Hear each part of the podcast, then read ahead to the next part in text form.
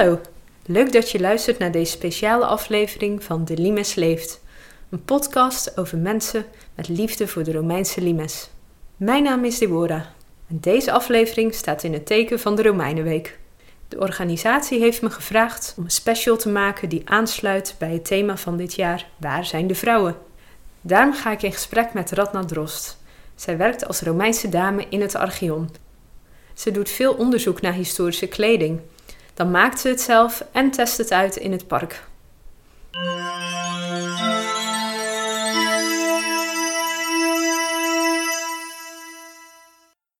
Ik ben uh, Radna Drost.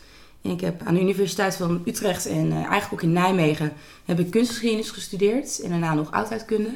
En tijdens al die beide studies was ik uh, gezegend met docenten die uh, vooral het menselijk aspect heel erg belangrijk vonden. Die, die zeiden al heel snel tegen ons, eigenlijk in het eerste jaar al, van wij zijn gewend om naar kunst te kijken als een prachtig object. Het is mooi gemaakt, maar wat zegt het nou eigenlijk over die mensen? Waarom is een drinkschaaltje bijvoorbeeld zo belangrijk? Waarom staat dit plaatje erop? Wat zegt dat over die mensen?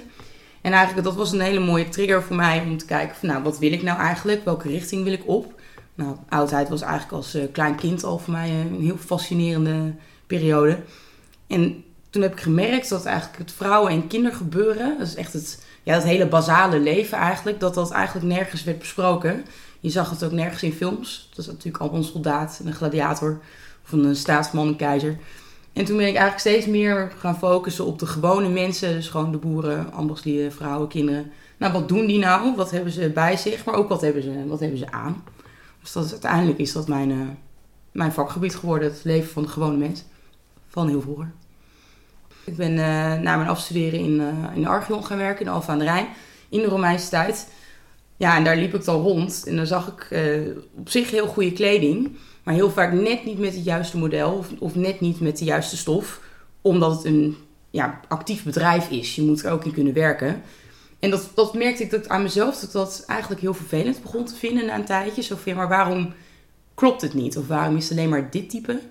En eigenlijk puur vanuit het, het werkveld ben ik ook steeds meer gaan maken en onderzoeken. Om te kijken van, nou, hoe is het dan wel? En wat kan dan ook hier? En dan, ja, dan kom je toch bij al het limersmateriaal. Dat is uh, heel lokaal, dus ook heel voor ons uh, toepasbaar. Ja, want het Archeon ligt natuurlijk langs de limes. Ja. Je hebt hier een heleboel voorbeelden ook meegenomen. Ja. Allemaal leuke kleding. Wat heb je als eerste gemaakt? Kun je dat nog herinneren? Wat ik als eerste heb gemaakt? Ja, dat is eigenlijk een, uh, een, een prehistorisch voorwerp. Uh, want kleding langs de limes, ja, we hebben geluk dat er heel veel is eigenlijk. Er is opvallend veel ja, in het noorden van het Romeinse Rijk gevonden. En eigenlijk maar heel weinig in Italië, omdat daar alles gewoon verdwijnt. En hier werd het echt met de mensen ook begraven. En dan zit het vaak in water of in klei. Dus blijft het bewaard. En het eerste wat ik heb gemaakt is eigenlijk iets wat in de bronstijd al werd gedragen. En dat is een, een rok. Dus een, een rok van wol. En ja, dan merk je eigenlijk hoe simpel Romeinse kleding ook is. Het is allemaal gemaakt vanuit een vierkant of een rechthoek. Omdat alles op een weefgetouw werd gedaan. Dus dan kun je niet tailleren. En toen dacht ik, nou ja, waarom dragen ze die rokken dan? Nou ja, als het nog net niet heel erg koud is, maar je bijvoorbeeld wel koude benen hebt omdat je op het land moet staan, dan draag je een rok overheen. Dus eigenlijk gewoon twee hele grote vierkanten van ruim een meter breed aan elkaar naaien, koord doorheen, over je lange tunica aantrekken, die misschien alleen nog maar van linnen is. Dan heb je toch lekker warme benen. En ik draag hem nog steeds in de winter. Hij is ondertussen acht jaar oud. Hij zit heerlijk. Een mooi ruitje ook. Dat is... Uh, ja, wat je ook heel veel tegenkomt bij noordelijke kleding is dat er heel veel patronen in zitten. Romeinen zijn niet zo van de patroontjes.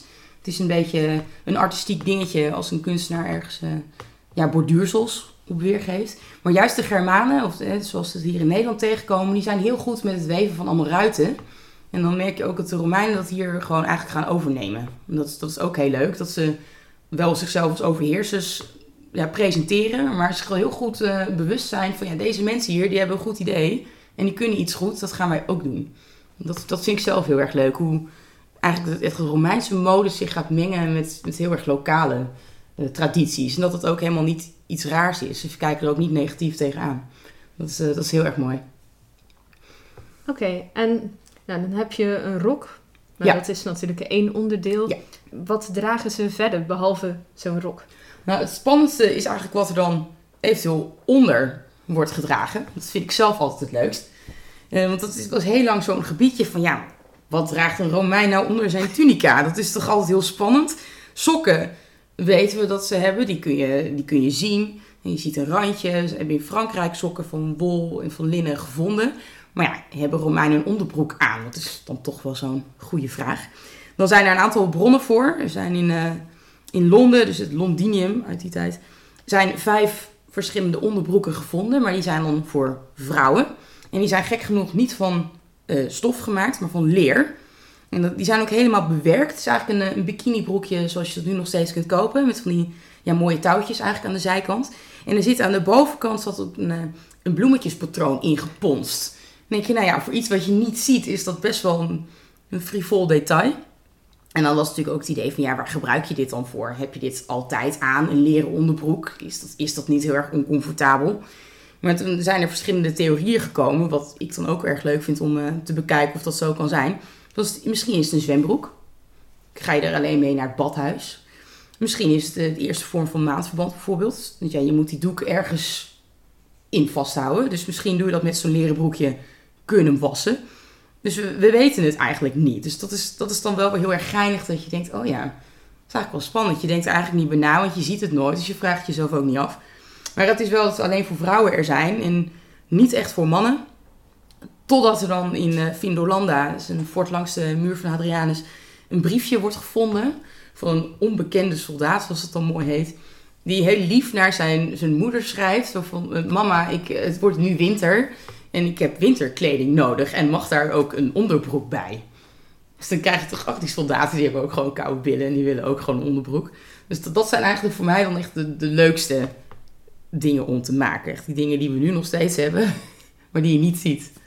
Ja, want ik kan me herinneren inderdaad van toen ik in het Archeon werkte, dat kinderen vooral dat altijd willen weten. Ja. Um, en ook bijvoorbeeld, van, hadden ze ook al BH's? Ja, ze hebben een, eh, een BH, een fascia wordt dat uh, genoemd. En ja, die lijkt eigenlijk niet op de BH's als wij nu hebben. Het is nu natuurlijk iets wat echt puur op spanning eigenlijk vast blijft zitten. Bij Romein is het een, een veel simpeler systeem, ook een, een pijnlijker systeem, uh, weet ik uit ervaring. Ze maken een, een strook van ongeveer 5 meter lang. Dat is getest hoe lang zo'n strook moet zijn.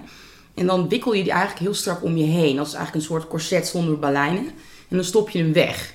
Dus eigenlijk druk je je ribben ook al bij elkaar. Dus het zit even heel comfortabel omdat het een soort van steun geeft overal, ook in je rug. Maar je merkt na een paar minuten dat je eigenlijk niet goed kunt ademen. Maar dat is, dat is de eerste vorm van, van BH die je gek genoeg dan alleen maar in de kunst ziet bij godinnen en mythologische figuren. Dat die zichzelf juist heel erg strak dan inbinden. En je ziet het bij prostituees heel veel, maar dan wel weer zonder onderbroekje. Dus maar het, is niet een heel praktisch iets. Je kunt eigenlijk niet echt lekker functioneren als je hem aan hebt. Het is, uh, het is, het is heel benauwend eigenlijk. Nou, hij is er wel.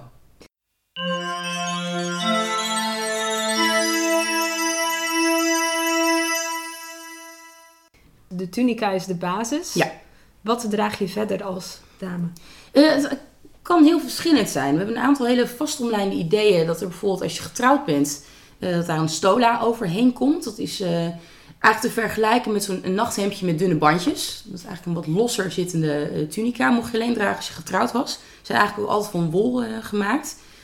Maar ja, je krijgt wel meteen dat daar heel veel lage stof op elkaar zit. Dus dat misschien niet heel praktisch is. Zullen dus dames zijn die hem niet hebben gedragen. Wat je ook kan dragen is een, is een palla over je kleding. Dat is een doek die ongeveer 3 meter lang moet zijn. En ook stofbreed. Dus rond 1,50 dan bij 3 meter. Die doe je eigenlijk als een soort omslagdoek. Zoals wij nu de, de boa om zouden slaan. Kun je bijvoorbeeld ook een, een palla omslaan of op je schouder vastspelden. Dus dan heb je eigenlijk al een soort overdoek over je tunica heen om het mooier te maken. Maar ook om je hoofd bijvoorbeeld te bedekken. Stel je gaat naar een tempel, dan moest het hoofd worden bedekt. Of als jij als getrouwde vrouw naar buiten gaat, moest je ook je hoofd bedekken. En dan had je eigenlijk ook al meteen een hele grote sjaal om je hoofd dan te bedekken. Je kunt ook een, eh, een mantel dragen als het natuurlijk uh, wat kouder wordt. Dan ga je eigenlijk een ja, Romeinse versie van de jas ga je dan aandoen. En er zijn er een heleboel verschillende van. De meeste zijn gewoon rechthoekig, omdat je het zo geweven hebt. Maar je kunt ook een, uh, een mantel dragen die aan de onderkant een beetje half rond is, zodat hij eigenlijk wat eleganter valt. En er is vrij veel discussie over de mantels nog steeds. Van wie draagt nou precies welke mantel. We zijn uh, daarvoor toch echt aangewezen op, uh, ja, op beelden met name. En dan zien we vooral dat de mannen de mantels dragen. Terwijl we weten dat in het Limesgebied dat juist ook de vrouwen allemaal een mantel droegen. Gewoon omdat het koud is. En dan dragen ze hier, zeker ook in, uh, in dit gebied, dragen vrouwen een sjaal. Dus een hele lange dunne strook. Die eigenlijk zoals de moderne wintersjaals tegenwoordig gewoon worden omgeslagen. En een hoed mag je ook op. Je ziet heel veel rare hoedjes. Maar dat is ook heel Germaans om dan een hoed te dragen. Een soort schijven zien ze er vaak uit. Maar dan is natuurlijk ook wel meteen de vraag van ja, hoe zien ze er echt uit? Want we hebben daar geen echte voorbeelden van. En hoe praktisch is het? Als je aan het werk bent, is op het land is een hoed bijvoorbeeld niet heel handig. Je kunt uh, sokken aandoen, dus de Oedinees. Het uh, lijkt het meest op Ux, alleen dan van stof. Het is ongeveer ook hetzelfde patroon. En uh, ja, je, je schoenen uiteraard. Hè. Je bent als voor mij gewend om open schoentjes te dragen. Met dus allemaal soorten sandaaltjes of opengewerkte schoenen. Maar zodra ze hier zijn, zien ze laarzen. Dan zien ze helemaal dichte schoenen met veters. En dan gaan ze die ook dragen om gewoon geen natte voeten te krijgen. Dus voor heel veel laagjes mode. Wordt het koud? Laagjes. Niet iets één ding wat heel dik is, maar juist gewoon laagjes combineren.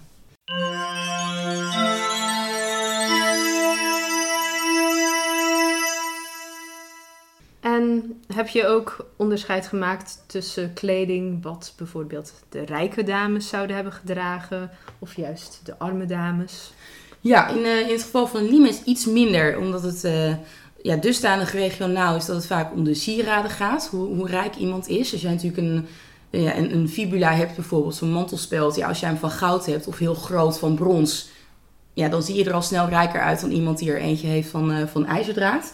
Maar als het gaat echt om ja, wat meer het, het, zuiden van, van het Rijk, ja, dan hoe meer kleur, dus hoe bijvoorbeeld heel, ja, nou, echt dat hele mooie felle rood van, van Meekrap bijvoorbeeld, of, of indigo, dat je heel mooi geel hebt van safraan, ja, dan kun je dat als hele rijke kleding bestempelen.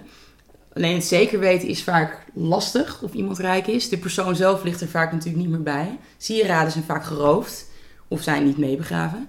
Want je mag eigenlijk geen goud in de graf meebegraven, dus dan mis je natuurlijk vaak ook wel wat. En Romeinen zijn heel erg goed in het doen alsof ze rijk zijn. Er worden heel veel kleuren, zeker in het Limesgebied, worden nagemaakt, omdat ze hier niet kunnen komen. Als je hier niet aan safraandraadjes kan komen voor geel, dan kun je ook je kleding geel verven met uienschillen. Heb je geen indigo, dan kun je weder gebruiken. Het is gewoon een plant die heel gangbaar overal groeit. En je kunt een vorm van bieten of zelfs luizen gebruiken om kleding rood te krijgen. Dus soms ziet het er heel erg rijk uit. En valt misschien in de praktijk wel heel erg mee. het, is, het is heel geinig hoe dat werkt. Ja, dat is wel heel slim. Het is maar heel slim. Dat betekent misschien wel dat, dat ze het wel belangrijk vonden om in ieder geval de schijn ja. te houden. Ja, schijn is, uh, is, is altijd wel echt een, een ding geweest. Uh, heel veel mensen die functioneerden eigenlijk ook puur op schijn. Het is toch zien en gezien worden in jouw politieke carrière of jouw, als vrouw bijvoorbeeld, jouw, ja, je sociale plaats op de ladder werd wel heel erg bepaald door hoe je eruit zag.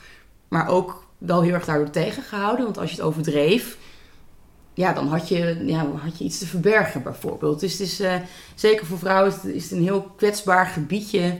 Van ja, hoe ver mag je nou ergens mee gaan? Mag je bijvoorbeeld wel heel veel goud op je kleding bijvoorbeeld hebben of heel veel make-up dragen of niet? Mag je als man wel of geen kleuren dragen? Nou, praktijk wijst uit dat mannen liever geen kleurtjes droegen. Want ja, dan was je inderdaad te frivol. Terwijl voor vrouwen dan weer opvallend heel veel kleur werd gedragen. Of heel veel patroontjes en borduursels. Dus dit is altijd een, heel, een beetje een spanningsveld geweest tussen de mensen. Als het op, echt op Limesgebied gaat, weten we daar nog minder van. Want dan zit je, ja, we denken toch vaak, ja, Romeinen komen overal, dus zijn overal echt de baas en de Romein is daar. Maar het zijn vaak lokale mensen die eigenlijk gewoon helemaal hun leven kunnen blijven leven, ook als de Romeinen er zijn. Dus het is vaak, wordt er geromaniseerd. Maar is dat ook alleen maar voor het uiterlijke plaatje? Heeft het misschien helemaal niks betekend in de praktijk? Dus het is vaak een beetje lastig wanneer iets nog echt Romeins is. Of eigenlijk alleen maar voor ja, de buitenkant wordt gedaan. Ja, en hier langs de Limes waren het vooral lokale dames? Of zouden er ook Romeinse dames mee zijn verhuisd? Of, of, weten we dat eigenlijk niet? Het is heel lastig omdat we eigenlijk hier uh, weinig grafstenen hebben met namen van, van dames erop. Eigenlijk zo'n beetje rond de tweede eeuw verdwijnen ook de meeste eh, ja, representaties van vrouwen op die grafstenen. Dan zijn het eigenlijk alleen maar weer stenen van soldaten. Dus er is erg weinig eh, kennis over de dames. Maar wat we wel weten vanuit Engeland en dan waarschijnlijk ook in Nederland bijvoorbeeld, is dat het wel heel gebruikelijk was dat de vrouwen eigenlijk meetrokken met de legioenen. Een soldaat mocht niet trouwen, maar er is een enorm groot gedoogbeleid. Je kunt niet al die mannen onder controle houden als je iets niet gedoogt. En er ontstaan kampdorpen naast die legerkampen. En daar wonen die vrouwen en kinderen. En waarschijnlijk trek je wel gewoon mee. Dus het zal waarschijnlijk een combinatie zijn geweest van overwegend lokale vrouwen, die toch met huursoldaten werkt. En die zullen ongetwijfeld ook een lokale uh, echtgenote hebben gehad. Maar de legerleiding zal bijvoorbeeld inderdaad wel de echte Romeinse dames uh, hebben meeverhuisd hier naartoe. Maar die, ja, die gaan toch weer op in het lokale. Je kunt niet anders.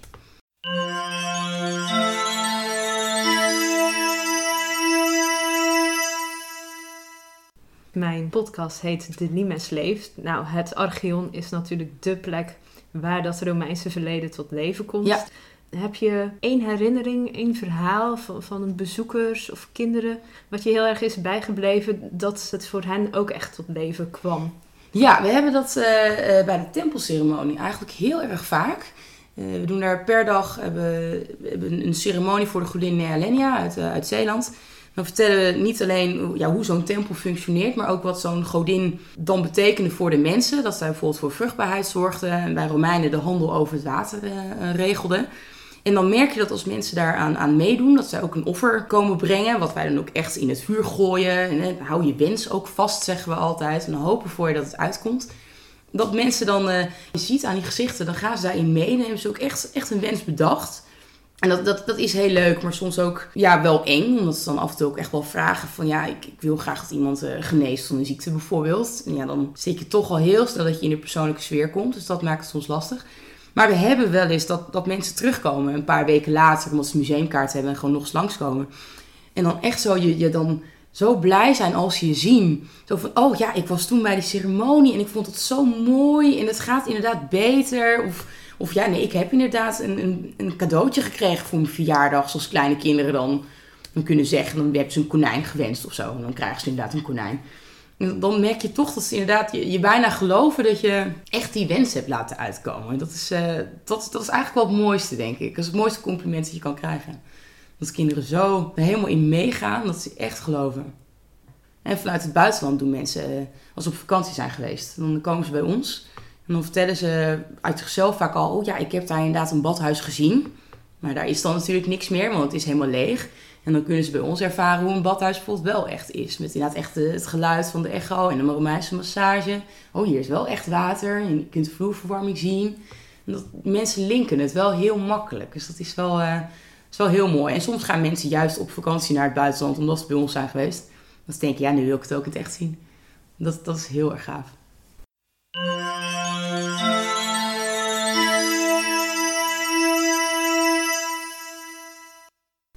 Door het enthousiaste verhaal van Ratna krijg ik ook weer zin om het Archeon te bezoeken. Je benieuwd naar de verschillende personages en zelfgemaakte kleding? Met een museumkaart kun je het park gratis bezoeken. De Romeinenweek is net van start gegaan en duurt nog tot 12 mei.